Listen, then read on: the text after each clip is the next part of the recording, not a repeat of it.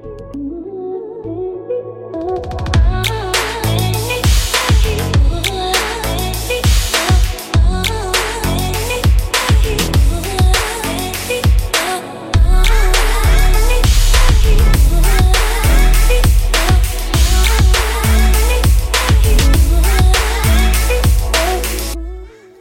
og velkommen til en ny episode av Sykt ærlig med Martine.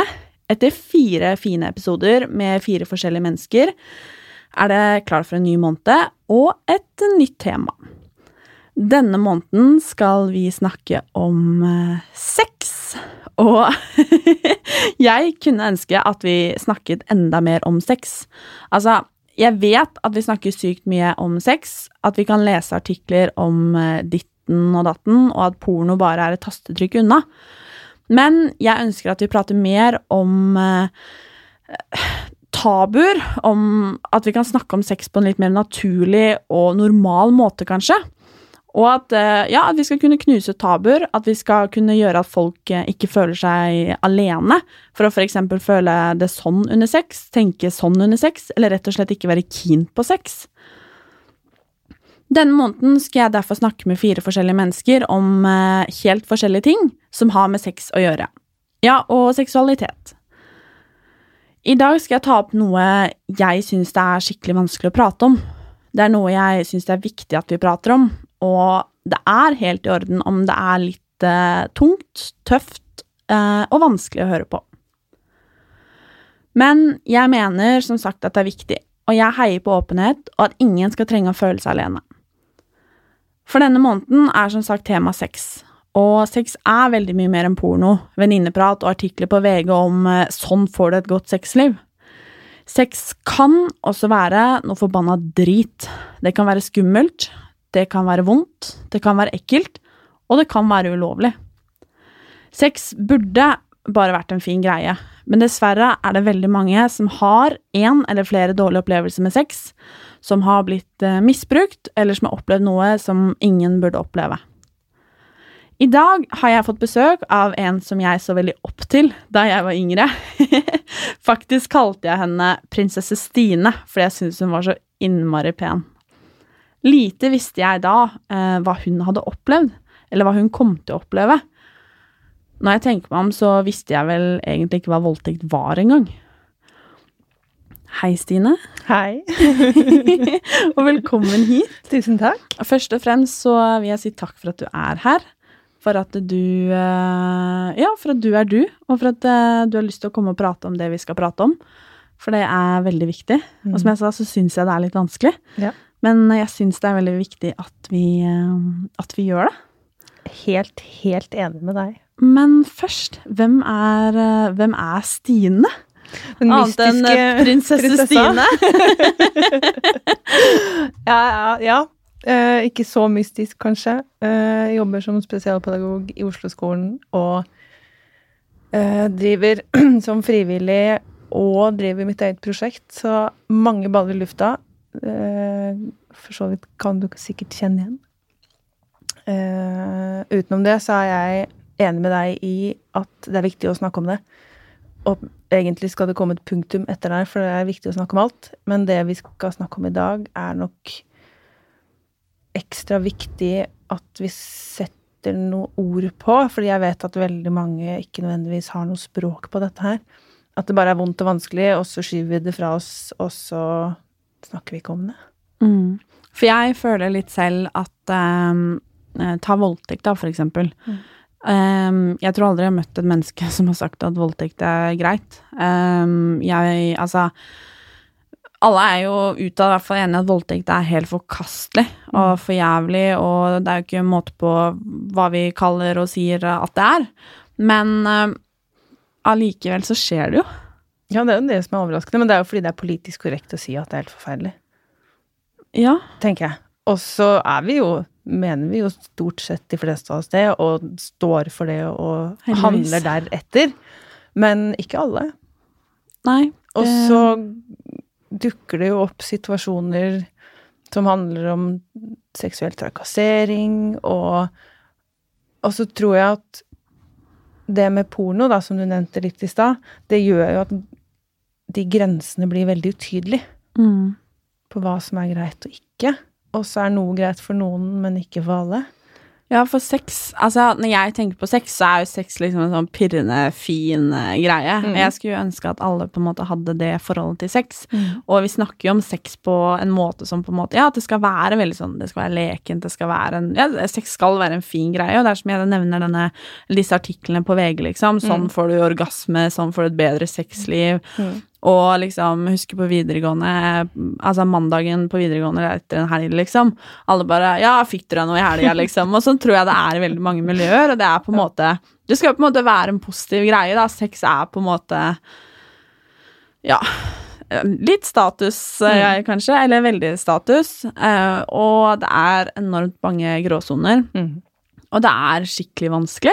Og jeg også kan jo Altså som dette med å ikke være keen på sex, liksom. Mm. Jeg føler at det er en forventning til at man hele tiden skal ville ha sex, og det, sex er liksom veldig hypa opp, da, Mm. om man kan si det sånn. Mm. Og det er derfor jeg mener at det er så viktig at vi prater om disse baksidene, da, og Mm. ulempene også. Mm. Og jeg lurer om du kanskje kan fortelle litt om din historie? Mm. Det er jo helt klart sånn at ved å snakke om det, så blir det kanskje bitte litt mindre skummelt. Men det som er viktig å huske på, er at hvis Jeg skal bare legge til en sånn liten digresjon før jeg begynner. Mm. For det er viktig for meg at de som hører på dette her, og når vi snakker om det som er vondt og vanskelig, at hvis noen får blir ekstra lei seg, da, eller føler veldig at dette er veldig vanskelig å høre på, så snakk med noen om det. Mm. For det viktigste tror jeg er ikke å sitte alene med det, det skal jeg komme tilbake til. Men ja, Mm. det var bare en digresjon Ja. før jeg begynner. Og det er, jeg tenker at, som jeg sa litt òg, det er hvis man kanskje har opplevd noe, eller Mm. kjenner noen som har opplevd noe, eller noe sånt, så kan det være litt tungt og tøft og vanskelig. Men samtidig så tror jeg kanskje at man har litt Eller jeg tror ikke jeg er overbevist om at man har litt godt av det. Mm. Og både høre din erfaring, men kanskje også føle seg litt mindre alene, hvis Mm. man er i en situasjon eller har vært i en situasjon, da. Helt Mm. klart. Uten tvil. Og vi er jo i For den historien jeg tenker å dele nå, så er vi jo inne i riktig tid. Fordi det her handler om russetid. Um, og det handler om, som for veldig mange som opplever voldtekt eller overgrep eller noe, så handler det om dette blir gjort av noen ukjente mennesker. Veldig, veldig mange sier, det er litt sånn, litt sånn fordommer med det, at det, det er alltid noen du kjenner. Eller alltid en eller annen som tråkka over en strek som du veit hvem er, eller et eller annet. Men det er ikke sånn for alle. Og det, jeg tror det er viktig at vi prøver å Når vi snakker om det, da, at vi prøver å nyansere oss såpass at vi klarer å i hvert fall få sagt at det er så veldig mange forskjellige opplevelser av et overgrep. Og for meg så var det liksom som lyn fra klar himmel, egentlig. Jeg var på vei hjem, og ante fred og ingen fare. For det var i rusttiden, var det Ja. ikke det?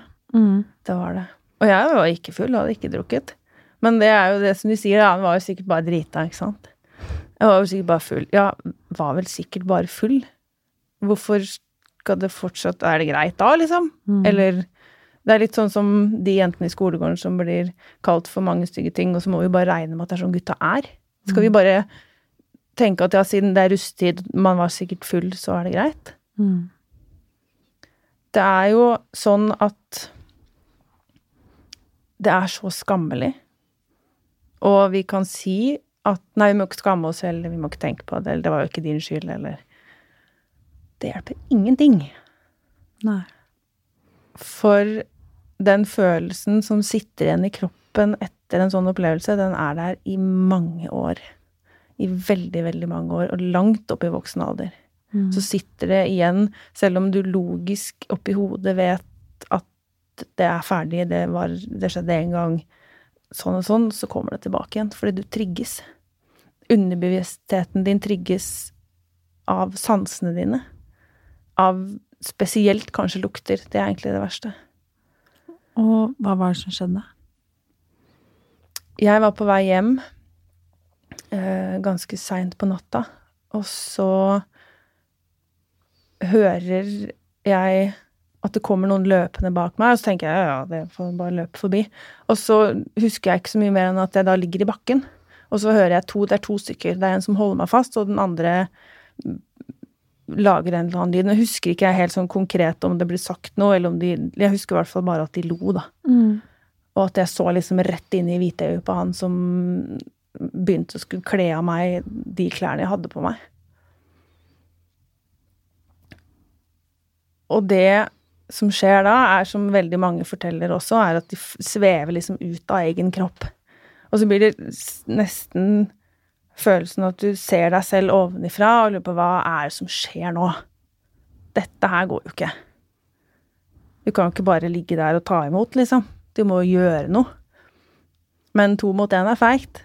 Mm. Så jeg hadde jo ikke sjans til å gjøre noen ting.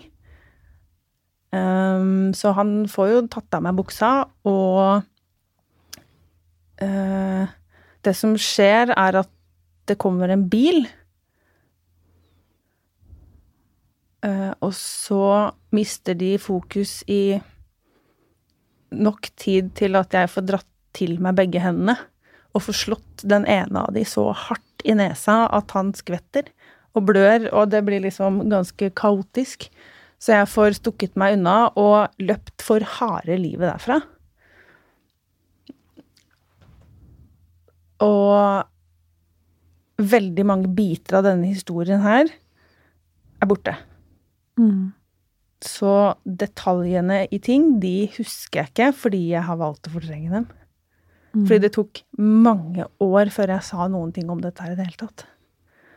Og det er jo også forska på og snakka en del om, at det tar opp imot 17 år før noen sier noen ting. I gjennomsnitt, da, av de som har opplevd det som unge. Så da var du på vei hjem fra eh, fest, russetreff, russetreff, liksom. Ja. ja. Skulle hjem, og så kommer det noen løpende etter deg. Mm. Jevnaldrende gutter. Var de også russ, eller? Nei, var... det tror jeg ikke. Nei. Som jeg var i området eller var på fest, altså det spiller Mm. ingen rolle. Mm. Men som da tenkte at oi, der går Stine, hun, hun skal vi voldta. Mm. Der den ene holder deg, og den andre voldtar Mm. deg. Mm. Og du løper og drar hjem Mm. og sier ingenting. Nei. Nei. Fordi jeg også tenker ja, men jeg burde sikkert ikke vært der. Jeg burde sikkert ikke Jeg burde gått fortere. Jeg burde vel kanskje ha hva som helst. Ja. Jeg skjønner at det, det berører meg litt, Mm. kjenner jeg. Eller mye. Mm. Jeg kjenner at um, um, Ja, for litt tårer, ja. Både fordi jeg er så lei meg for at eh, det skjer Mm. eh, med deg, og med mange andre jeg kjenner, Mm. og med mange jeg ikke kjenner. Og at det på en måte er så vanlig. Mm. Og at jeg blir så sint for at Fordi at eh, noen velger å utføre det. At noen løp, kommer løpende etter Stine og tenker at eh, ja, la oss voldta henne. It's a bait, liksom. Ja, la oss Ja, ja. gjøre det. Mm. Eller nei, men hun vil sikkert. Eller nei, Mm. innerst inne så veit hun, og jeg veit jo det, på en måte. Mm. Innerst inne kan jeg Nei, jeg Ja. Men hva skjedde så? Dro du liksom hjem og bare la deg, da, og Mm. på en måte Ja. Og Så så ble det stille. Snakka aldri om det. Og grunnen var at du på en måte skamma deg? Ja, hvem skulle tro på det, da? At det på en måte var ufrivillig? Mm. Eller at det skjedde i det hele tatt. Mm. Mhm. Det, er, det er nettopp det som skjer med oss, at vi blir helt stille. For det er egentlig ikke Vi skjønner det ikke. Det snakkes om, og vi leser om det i avisen, og så Men hva gjør vi når vi kommer nær det, liksom? Har du noen gang truffet de som gjorde det Nei, jeg aner ikke hvem det er. Har ikke fjerneste anelse. Husker ikke åssen de så ut engang. Nei. Så det vet jeg ikke. Det var tilfeldig forbipasserende. Feil sted til feil tid. Jeg burde aldri vært på den festen. Ja, ja. Mm. Og så vet jeg jo, da, som de også vet i dag, at veldig, veldig mange av sånne type saker blir henlagt. Og fordi det er ikke noe bevis noe sted, ikke sant? Mm. Er det noe du angrer på i den situasjonen? Godt spørsmål.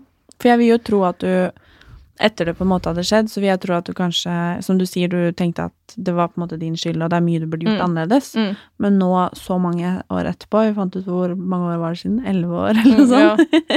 hvor Dritlenge eh, Er det noe du liksom angrer på at du på en måte enten ikke gjorde, eller angrer på at du faktisk gjorde, eller tenkte, eller noe sånt? Ja, det er to sider av det. Mm. For følelsene og det sinnet angrer på at jeg ikke slo mer, ikke sant? At jeg ikke bare banka de. Men nå var det jo to, da. Så det hadde vært umulig prosjekt uansett. Mm. Men det får jeg jo behov for, ikke sant? Å slå enda hardere, å slå mer. Og så er det en del av meg som angrer på at jeg dro aleine hjem. At jeg gikk derfra uten å si fra til noen, eller å Ja. Og så skulle jeg jo ønske for min egen del, og for alle som har utsatt for noe sånn, at de ikke skammer seg. Selv om det er Det skjer automatisk, så skulle jeg ønske det var noe vi slapp. Mm. For det er nok å leve med det, liksom. Det er nok å ha det med seg. Ja, for hvordan påvirka det deg i ettertid? Da var du 18-19 år, Mm. og du skulle på en måte ut i det voksne livet, og som vi prata litt om, så er jo på en måte sex en stor del av det. Mm. Hvordan påvirka det deg, altså først og fremst i hverdagslivet, da, for Mm. å ta det først? En sånn hendelse, var det på en måte Ja. Det er jo en traume, det er ikke noe tvil om i det hele tatt. Og det er jo en liste som er lang over hva som skjer når man er utsatt for sånn i etterkant, og jeg kan jo krysse av på ganske mange av de. At man i utgangspunktet da blir redd for å gå ut blant folk, og må hele tiden gå og se seg over skulderen og tenke skjer det igjen, og så blir nivået av angst ganske høyt da, i kroppen. Og kortisolen eksploderer, og det blir masse betennelse. Du blir ganske sjuk av det. Og da velger man jo ofte å gjøre det som er trygt, og det er å være inne og hjemme og alene. Og det er jo også egentlig motsatt av hva som er lurt å gjøre, da. Det er jo lurt å gå ut blant folk og finne noen å stole på, men det er liksom Jeg tror det, det skjer automatisk. For dro du liksom på skolen igjen og bare fortsatte å leve livet ditt, eller Ja. den eneste måten, og jeg ser jo at mye av sånn som jeg håndterer vanskelige perioder nå også, det er jo lært av sånne episoder at ok, da må vi bare skru det av. Fordi hvis jeg skal forholde meg til det her, så orker jeg ikke leve. Hvis jeg skal forholde meg til hva det er som faktisk har skjedd, så det, det, det går ikke. Da går jeg i stykker. Da kan jeg bare legge meg ned på gulvet og bli der. Så da må jeg på en måte bare skru det av, og så fortsette framover og late som det ikke har skjedd. Og så kan du gjøre det en stund til det er en eller annen som går forbi som kanskje hadde samme parfyme. Og så er vi i gang. Da reagerer kroppen din helt automatisk med å gå i sånn modus hvor du skrur av. Blir følelsen av å liksom ikke ha kontakt med fra halsen og ned, da. Hvor kroppen fryser. For det er jo det som skjer, at alarmsentralen i hjernen settes i gang. Og så er det enten at du må spille død, at du må flykte, eller at du må slåss. Og så kan man ikke bare gjøre det hvor som helst. så da er det lettere å gå inn i en eller annen sånn shutdown, hvor du bare skrur på en autopilot, da. Mm. Du bare virker, og så smiler du pent, og så kjører du på, og så klarer du det til neste gang igjen, og så er vi på nytt i prosessen. ja. Er det fortsatt sånn, elleve år etterpå? Mm, no, ja, jeg har noen runder. Men nå er jeg veldig bevisst, da, og jobba gjennom det og snakka om det masse i terapi og sånn, så det hjelper. Jeg anbefaler jo alle å gjøre det, selv om det er heftig, da. Det er jo eksponering som må til. Ikke av selvfølgelig voldtekt, men av liksom triggere, da. Der hvor det lukter som Du må bare be- bevisst at når du trigges, hva gjør du da? For at ikke det skal gå i sånn shutdown. For du blir jo liggende og sove, kan bli liggende sovende i flere dager etter en sånn runde. Fordi det er så mye i kroppen din som stritter imot. Mm. Så Er det en forsvarsmekanisme Mm. at kroppen gjør det? ja. Mm. Det er for at liksom det ikke skal kjennes vondt lenger, på en måte. Ja. Bare orker det ikke. Så da må du skru seg av. Men hvordan eh, Du fortsatte på en måte på hverdagslivet, Mm. og hvordan ble det på en måte med sex etter det? Generell nærhet er jo vanskelig. Det var jo vanskelig i mange, mange år før jeg liksom fikk snakka om det og bearbeida og blitt bevisst, da. Så eh, er det jo vanskelig. Men gjelder det, eller gjaldt det også bare på en måte med en vanlig klem? Eller var det på en måte Alt. bare sex? Ja. Alt, alt av nærhet, av nærkontakt som jeg ikke selv hadde kontroll på, det var, vanskelig. Kjempevanskelig. Ja. Så jeg har øvd meg på å klemme. Og Ja. selv ha liksom kontroll over at nå er det på en måte nok, og nå er det mine behov som er viktig. Og så er jeg en så klemmer, så når du kommer, så bare hiver jeg meg rundt halsen på deg. Men nå, nå, nå er det bra. Jeg også er veldig klemmete, og heldigvis funnet tilbake til kjærligheten ved å være nær andre mennesker. For det er helt forferdelig å ikke kunne det. For jeg tror det er en viktig del av det å være menneske, det å være nær andre. Jeg tror ikke vi er skapt for å være aleine. Nei, det tror jeg egentlig ikke jeg heller. Nei. Men du sa at eh, du brukte veldig mange år Mm. på å fortelle det. Mm. Når eh, tok du på en måte tak i det? Når var det på en måte dags for å snakke om det? Ja, det er jo noen år siden. Det er, tida går så fort, så jeg glemmer jo helt opp og ned på meg sjøl her. Men um, jeg tror vel det kanskje tok fem år eller noe sånt, da. Ja. Før jeg liksom Ja. Det ble så rotete alt sammen, og det var vanskelig å sortere hva som var hva, og når man ble trigga sånn, så skjedde det. Og så, alt ble liksom så rotete. Så tenkte jeg hvis jeg skal virke For jeg hadde jo Jeg er jo, så er jo et menneske som er glad i nærkontakt, i utgangspunktet. Mm. Og så vil ikke kroppen det, og så tenker jeg, men hallo, du får ikke bestemme.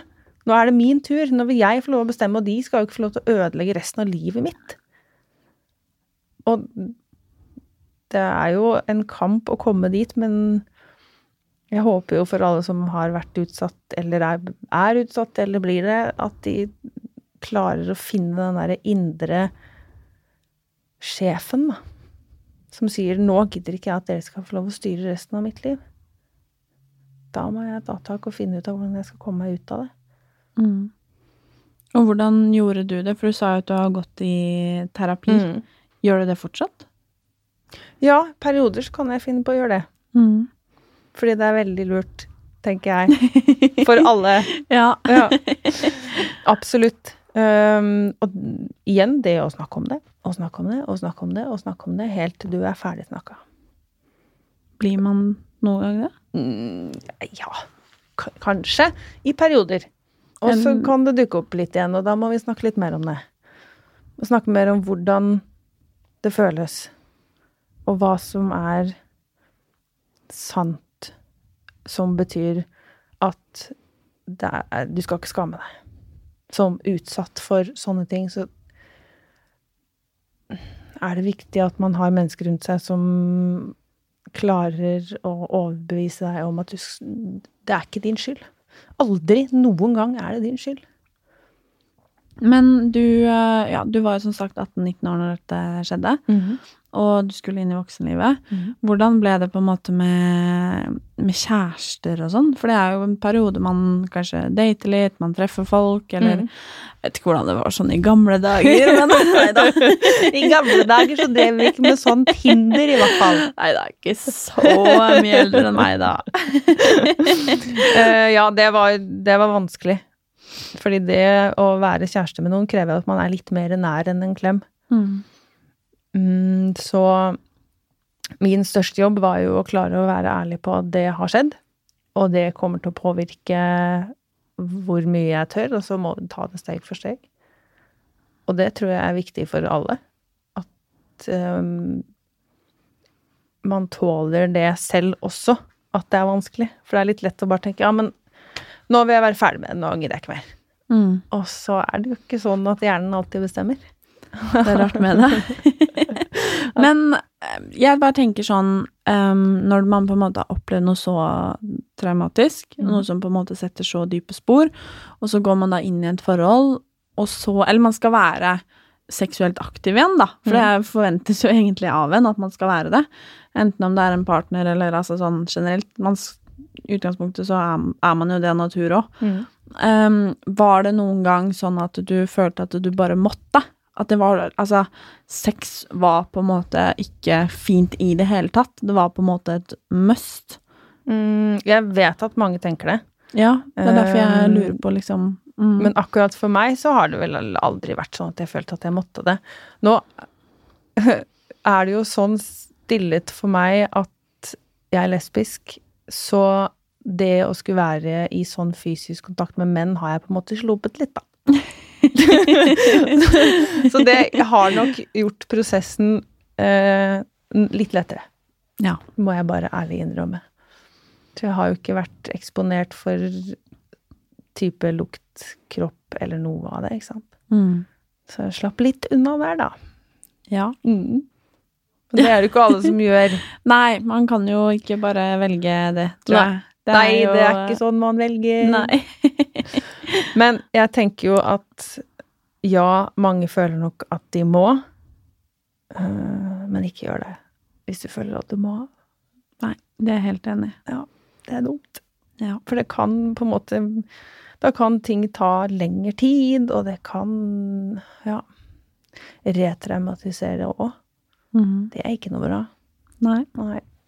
Men jeg vet jo at du snakker Eller du jobber jo ganske tett på barn og unge den dag i dag. Mm. Akkurat sånn som du gjorde på meg. Og, eller for meg, eller hva man sier når du var prinsesse Stine. Ja. Og du eh, Det er jo på en måte sånn Jeg oppfatta det i hvert fall et felt du på en måte brenner mye for og jobber mye med. Mm. Hvordan er det? Jeg jobber jo eh, på barneskole, og så jobber jeg eh, frivillig i sånn sjette variant av en sånn hjelpetelefon. hvor vi får opp disse tingene. Og jeg tenker at oppi all galskap så kan jeg nå da bruke den erfaringen jeg har på å snakke med noen andre. Og tørre å sette ord på disse tingene for andre som kanskje da er akkurat vært i samme situasjon, eller om det er lenge siden nå. Og akseptere det. Det er jo kjempe, kjempeviktig at vi klarer å gjøre, men da må vi også være avklart selv. For hvis vi ikke klarer da, som en hjelpeinstans i en sånn setting, å være bevisst hva som er mitt, og hva som er den andre vedkommendes følelser, så kan det bli veldig vanskelig. Ja. Det kan jo bli skikkelig god krøll ut av det. Så jeg vet jo at det er enormt mange der ute, også som vi snakker med to dager i uka, som til stadighet er utsatt for ting de ikke skal være utsatt for. Og det bekymrer meg. Og jeg lurer på hva det er vi ikke får til som samfunn og som voksne, og hva er det vi driver med, liksom? Når unge jenter og gutter og alle typer kjønn blir utsatt for så mange stygge ting, da. Alt fra sjikanering i skolegården til russetid, som vi snakker om nå. Det er jo det er konsekvent. Tryvann er kjent for å være sånn Å ja, der ble alle voldtatt, liksom. Og det skjer igjen og igjen og igjen. Hvorfor skjer det? Når vi snakker om det, og det blåses opp i avisen hver eneste april, så er det bare sånn Ja, nå er vi i gang igjen. Dette er et vårtegn. Det bekymrer meg. Mm. Men jeg vet ikke jeg, Ja. Nei, for det er vet ikke hva vi jo gjør. det litt som jeg også lurer på, og det er derfor det på en måte er viktig for meg å snakke om det.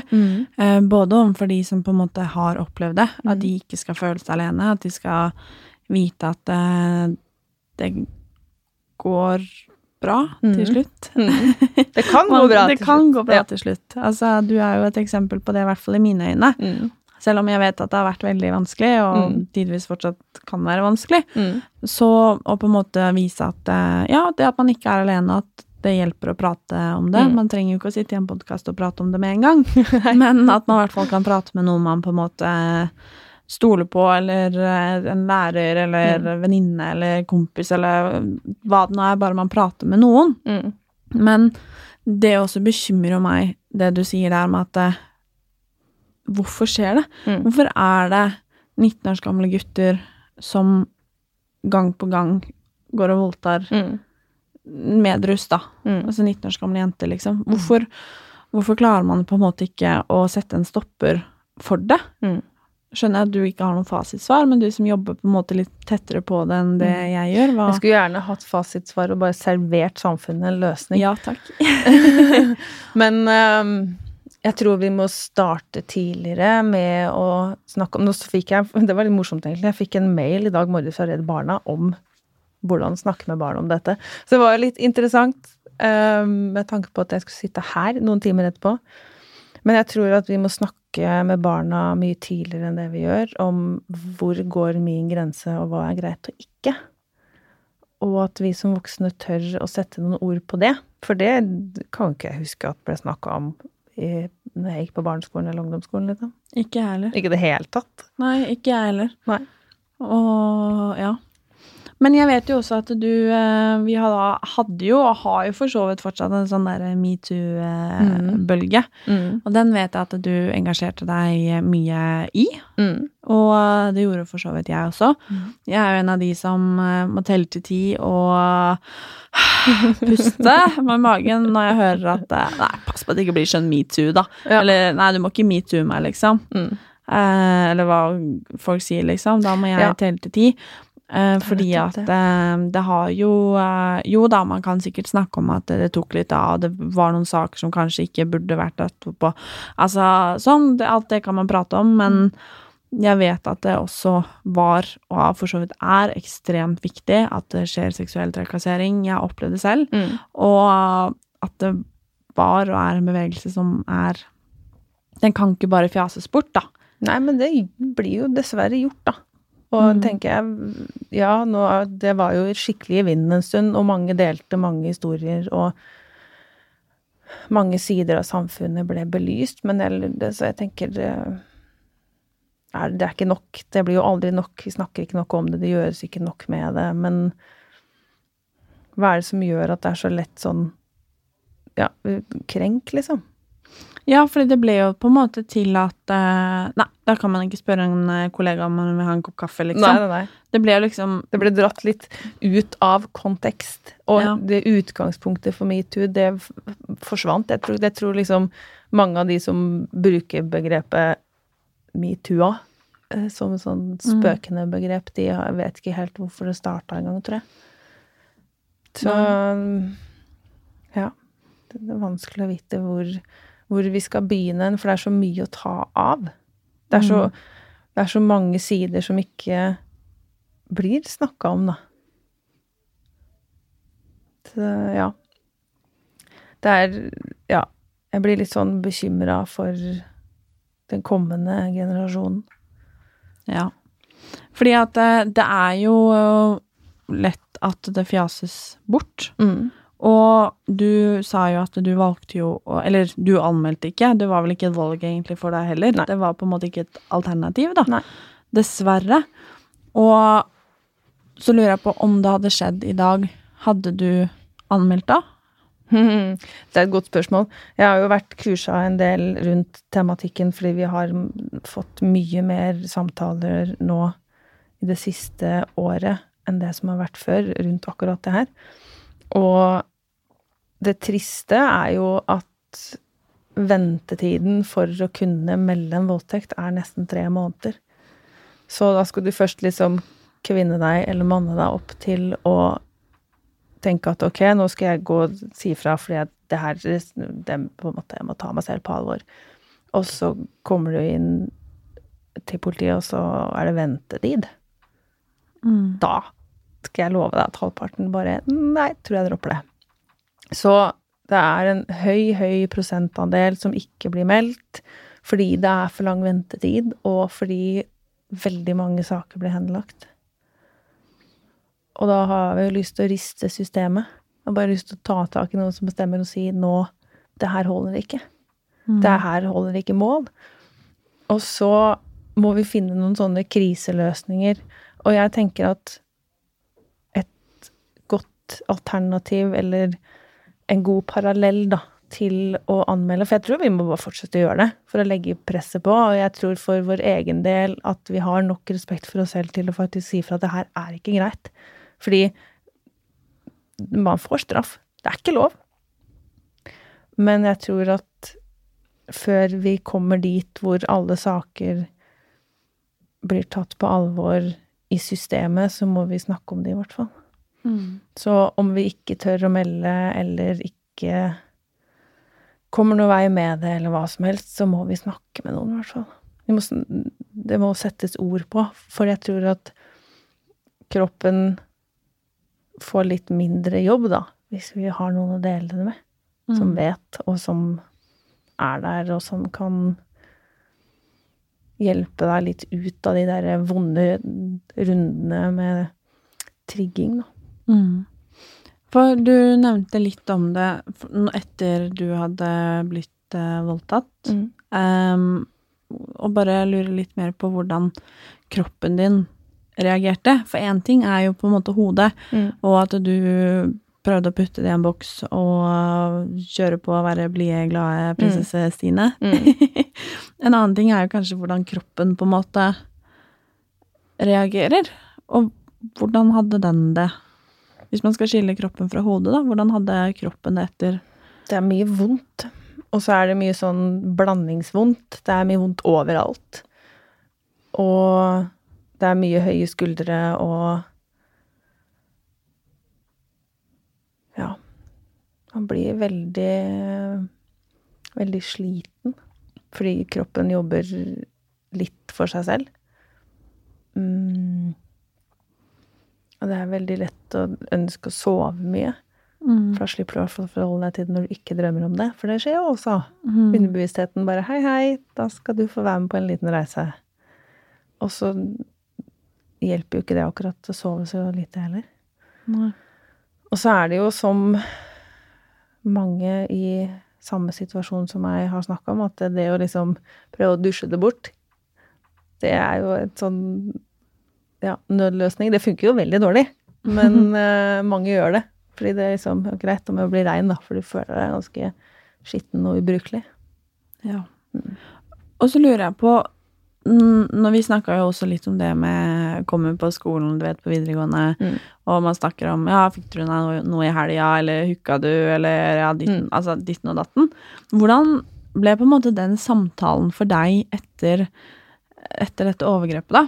Ja, jeg gikk jo i, i sånn i ett med veggen når de begynte å snakke om det.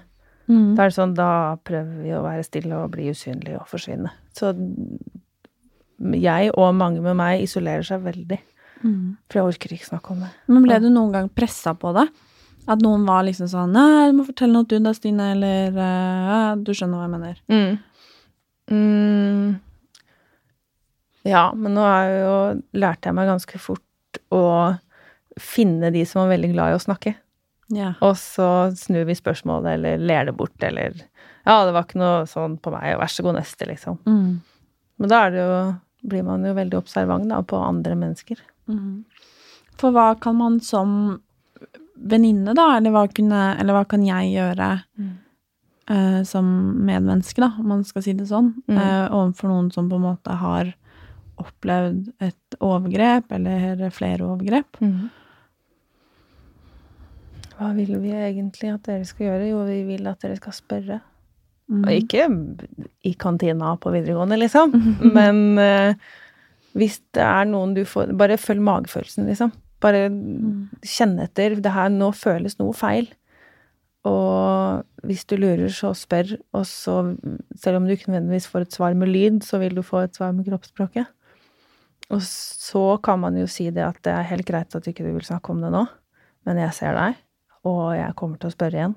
Og jeg kommer ikke til å gi meg før du har prøvd å dele litt.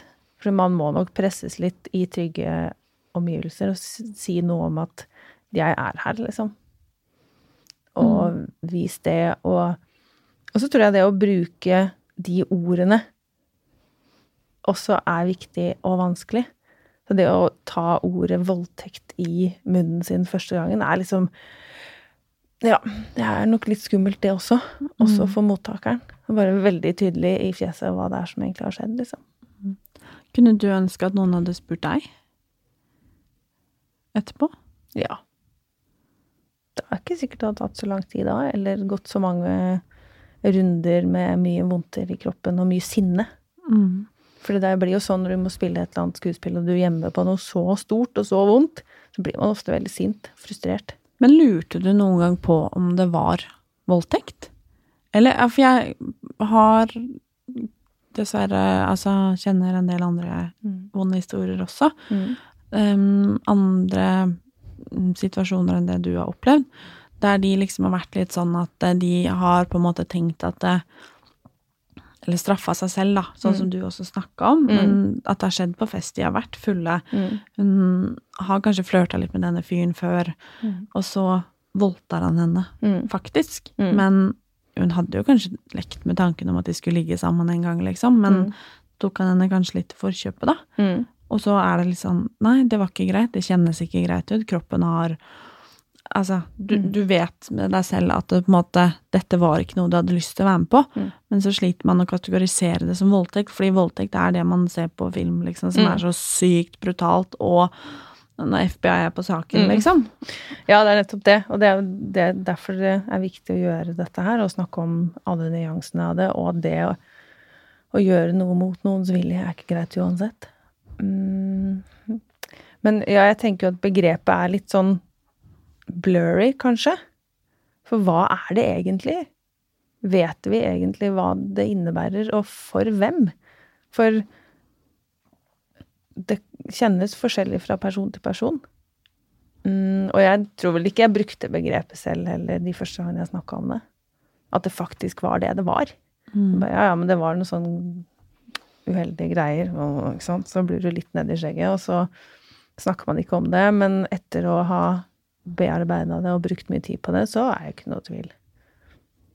Men dessverre så tar det tid, da.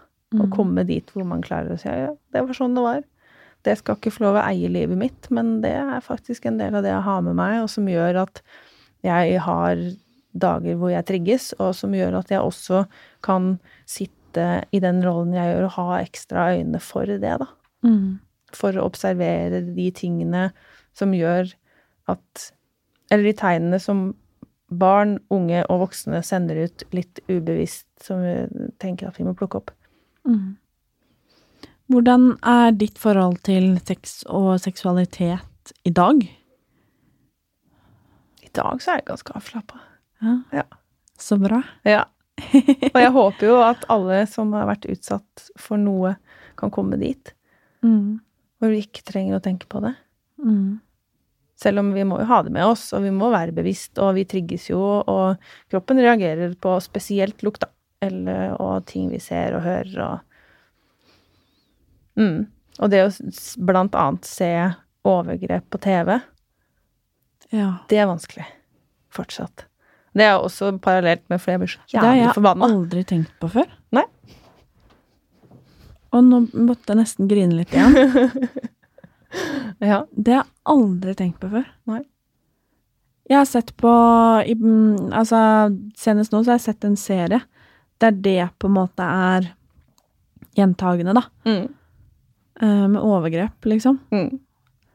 Uh, og jeg har jo sett på det som underholdning. Mm. Og jeg også blir fly forbanna. Mm. Mm, kjæresten min er jo sånn, han er sånn som ligger helt stille og på en måte nistirrer, liksom. liksom. Ja. Mens jeg er jo sånn som setter meg på sofaen og ah, ikke sant, blir fly Ja. forbanna. Ja. Men allikevel så er det underholdning for meg. Mm. Det er det. Og det er det for de fleste av oss. Og så tenker jeg ja, det er jo egentlig veldig bra, men for veldig mange av oss så er det veldig triggende. Det gjør noe med hele den serien, på en måte. Jeg kan ikke se på det. Jeg må bare la være. Jeg må bevisst ikke gå inn der og se på det, og da blir jeg jo den kjipe som ikke ser på de seriene fordi jeg vet at det kommer, og det orker jeg ikke. Det har jeg aldri tenkt på før. Nei. Shit, nå følte jeg litt på den der. Nå ble jeg nesten litt flau, Å ja. faktisk. Ja. At jeg liksom aldri har eh, For jeg er veldig der at eh, voldtekt er feil, voldtekt er noe dritt, liksom, og Mm. veldig forståelse. Mm. Og, og så har jeg aldri tenkt på den underholdningsbiten, på en måte. For det er jo underholdning. Du Ja, kan ja. si akkurat hva du vil, men en Mm. krimfilm er jo underholdning. Det er Mm. for at jeg skal sitte og bare Shit, jeg må bare se en episode til. Mm. Om noe som på en måte er så reelt for for eksempel deg, da. Mm. Wow. Ja. For det skjer jo faktisk. Det er det som er. Det er ikke bare på film. Og det, vi vil jo gjerne ønske det. Jeg tenker derfor vi kanskje ser på det som underholdning òg, for det, det blir så far away, da. Mm. For jeg tenker, å, fint, her er en serie, kan, det skjer, det er bare film, de er bare skuespillere, de er bare skuespillere, og så Nei, ja, de er bare skuespillere. Men hver eneste dag så skjer dette med noen. Mm. Og jeg tror ikke vi skal ta alt som skjer i verden innover oss for mye, for da tror jeg vi drukner i desperasjon. Men jeg tror vi må tenke over det. Og jeg tror vi må bli litt pressa på det også. Eh, For det er som du sier, det er underholdning for noen, og så er det ramme alvor for mange, mange andre. Mm. Den satt en litt sånn Den var litt sånn lærepenge for meg, egentlig. For det har jeg som sagt, og jeg, det er liksom det beste Ikke altså krim, da, og sånn, Mm. er liksom det, det digger jeg å se på, liksom. Så jeg har aldri tenkt på på en måte det Ja. Men um, jeg lurer også på For nå spurte jeg litt sånn tips til hvordan man på en måte kan være en god venn. Mhm. Men hvis du kan gi noen tips til noen der ute som hører på, for det er det garantert, mm. som har opplevd eh, overgrep, mm enten på den ene eller den andre måten, hva er dine beste råd? Om man kan formulere seg på den måten. Mhm. Det er nok eh, Mine beste råd er nok de vanskeligste rådene også. Mm. Fordi jeg tror at det å gjøre det som er liksom stikk motsatt av det man egentlig vil, for det man egentlig vil, er jo å gjemme seg og dusje og sove og bare la det ikke eksistere. Det er jo det primærbehovet, kanskje, etter en sånn episode. Men jeg tror at å på en eller annen måte få satt ord på det til noen um, Ikke nødvendigvis å liksom løpe rett til anmeldelse, for det, dem, det er en vei å gå dit. Men for meg så spiller det nesten ingen rolle hvem du sier det til. Bare du sier det til noen. Om det er en hjelpetelefon, om det er en chattelinje, om det er en venninne eller lærer eller foreldrene dine eller søsken eller hvem som helst. Og så tror jeg vi må øve på å ikke skamme oss så mye som vi gjør. Med dette og med veldig mye annet vi driver med, så er det mye skam, og det er mye dårlig samvittighet, og det er mye sånn. Men ja, Det er så vanskelig, vet du, for jeg skjønner jo at det er det vi gjør. Vi går rett inn der. Men det må fortsatt sies, da. For det Mm. er ikke offerets feil. Aldri er det offerets feil, og om du har sagt nei eller ikke, så er det ikke lov. Og det er um, Det er ikke greit. Og det er med lov til å si at det ikke er greit. Og du må gjerne gå inn på badet nå og se deg i speilet og si 'det er ikke din skyld, det her var ikke greit'. Det høres kanskje flåst ut, men um, Men Ja. jeg syns det er fint, jeg. ja, jeg tror det er viktig å prøve. Og jeg lurer også på Det er kanskje et vanskelig spørsmål for deg å svare på, men det er Hvis man er den gutten, da, Mm. eller mannen, som kanskje Altså, er en av de som tenker at nei, hun har lyst, ikke sant, eller Mm. hvem er meg som ikke har lyst på meg, eller nei, men hun vil innerst inne, Mm. nei, hun bare gjør seg til, eller Altså, hvis du skjønner hva jeg mener? Mm. Hva vil du si til han, eller for så vidt hun, for det er jo kvinner som også ikke Mm. Det er jo begge deler, selv om det er veldig Ja. vanlig å tenke at det er han. Så Hva vil du si begge. til de, da, som på en måte um, ikke tar nei for et nei, da? Ja, I for- eller etterkant. I etterkant så vil jeg si at hvis det er sånn at du har utsatt noen for noe du tenker at var litt dumt, eller noe du angrer litt på, eller kanskje ikke angrer på heller, så be om unnskyldning. For det hjelper faktisk. Selv om det høres flåst ut, så hjelper det å få en beklagelse fra noen som har gjort noe de ikke skal. Og så håper jeg jo at vi etter hvert klarer å ruste barna våre og guttene våre og jentene våre nok til at de ikke trenger å tråkke over noen streker. Men da må vi også være bevisst hvor går grensen. Og da må vi snakke om det. Da må vi snakke med disse russegutta som skal ut og rulle og drikke seg fra sans og samling for å så ligge med noen som kanskje ikke nødvendigvis har lyst til det. Hva er greit, og hva er ikke greit? Og det er ikke greit å blant annet legge ut en søknad om hvor jentene må fortelle hvilken alder de er, hvilken størrelse de har på bh-en, og hvor mye de veier. Det er supersjokkerende at det der lar seg gjennomføre, at det der skjer. Men jeg tenker jo at her er det noen voksne som har svikta et eller annet sted. For at de guttene skal tenke at det der er greit. Så jeg tenker bare ikke gjør det. Og så, hvis det er sånn da at hun har flørta mye, og du tenker nå er det min tur, tenk deg om en gang og spør en gang til, for sikkerhets skyld. Du skal ikke spørre om du får lov å sette deg ved siden av. Vi skal ikke dra den, den strikken så langt ut at vi ikke tør å flørte, for det er jo det mange har snakka om også etter sånne kampanjer. Ja, men eh, hva, hvis det er greit å si, eller hvis det er greit å gjøre. Vi skal ikke bli smålig. Men jeg tror jo også at det er iboende veldig mange mennesker å forstå hva som er greit og ikke. Spør, da. Mm. For, for sikkerhets skyld, liksom. Enig. Mm. Fordi hvis du prøver deg, eh, eller den, hvis den du prøver deg på, ikke svarer ja, eller gir tydelige signaler på at hun eller han vil ha sex, så finn på noe annet. Mm. Det er jeg vel enig om. Mm. Og fortsetter du, så er det ikke sex, men et seksuelt overgrep. Fire av ti voldtekter skjer på fest, og ofte er både overgriper og den utsatte under 25 år. Så vi kan jo kanskje konkludere med at uh, nei er nei, og mm. bare ja er ja. Mm -hmm. Og så anbefaler jeg å se en sånn Det ligger på YouTube, tror jeg. Noen, servere noen te. Servere noen varm te. Hvis ikke de vil ha, hvis de sier nei, så er det ikke sånn at du faktisk presser dem til å drikke det. Det er helt sant. Mm.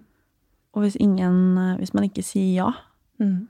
så kan man kanskje tenke seg om det er verdt å ta sjansen. Mm.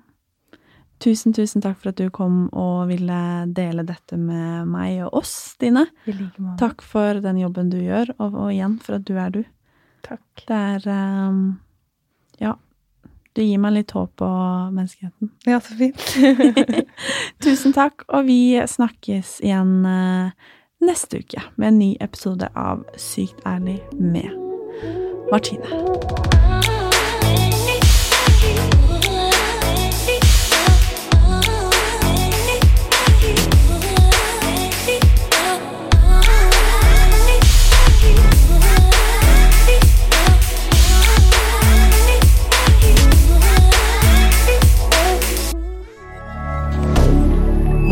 milliardaire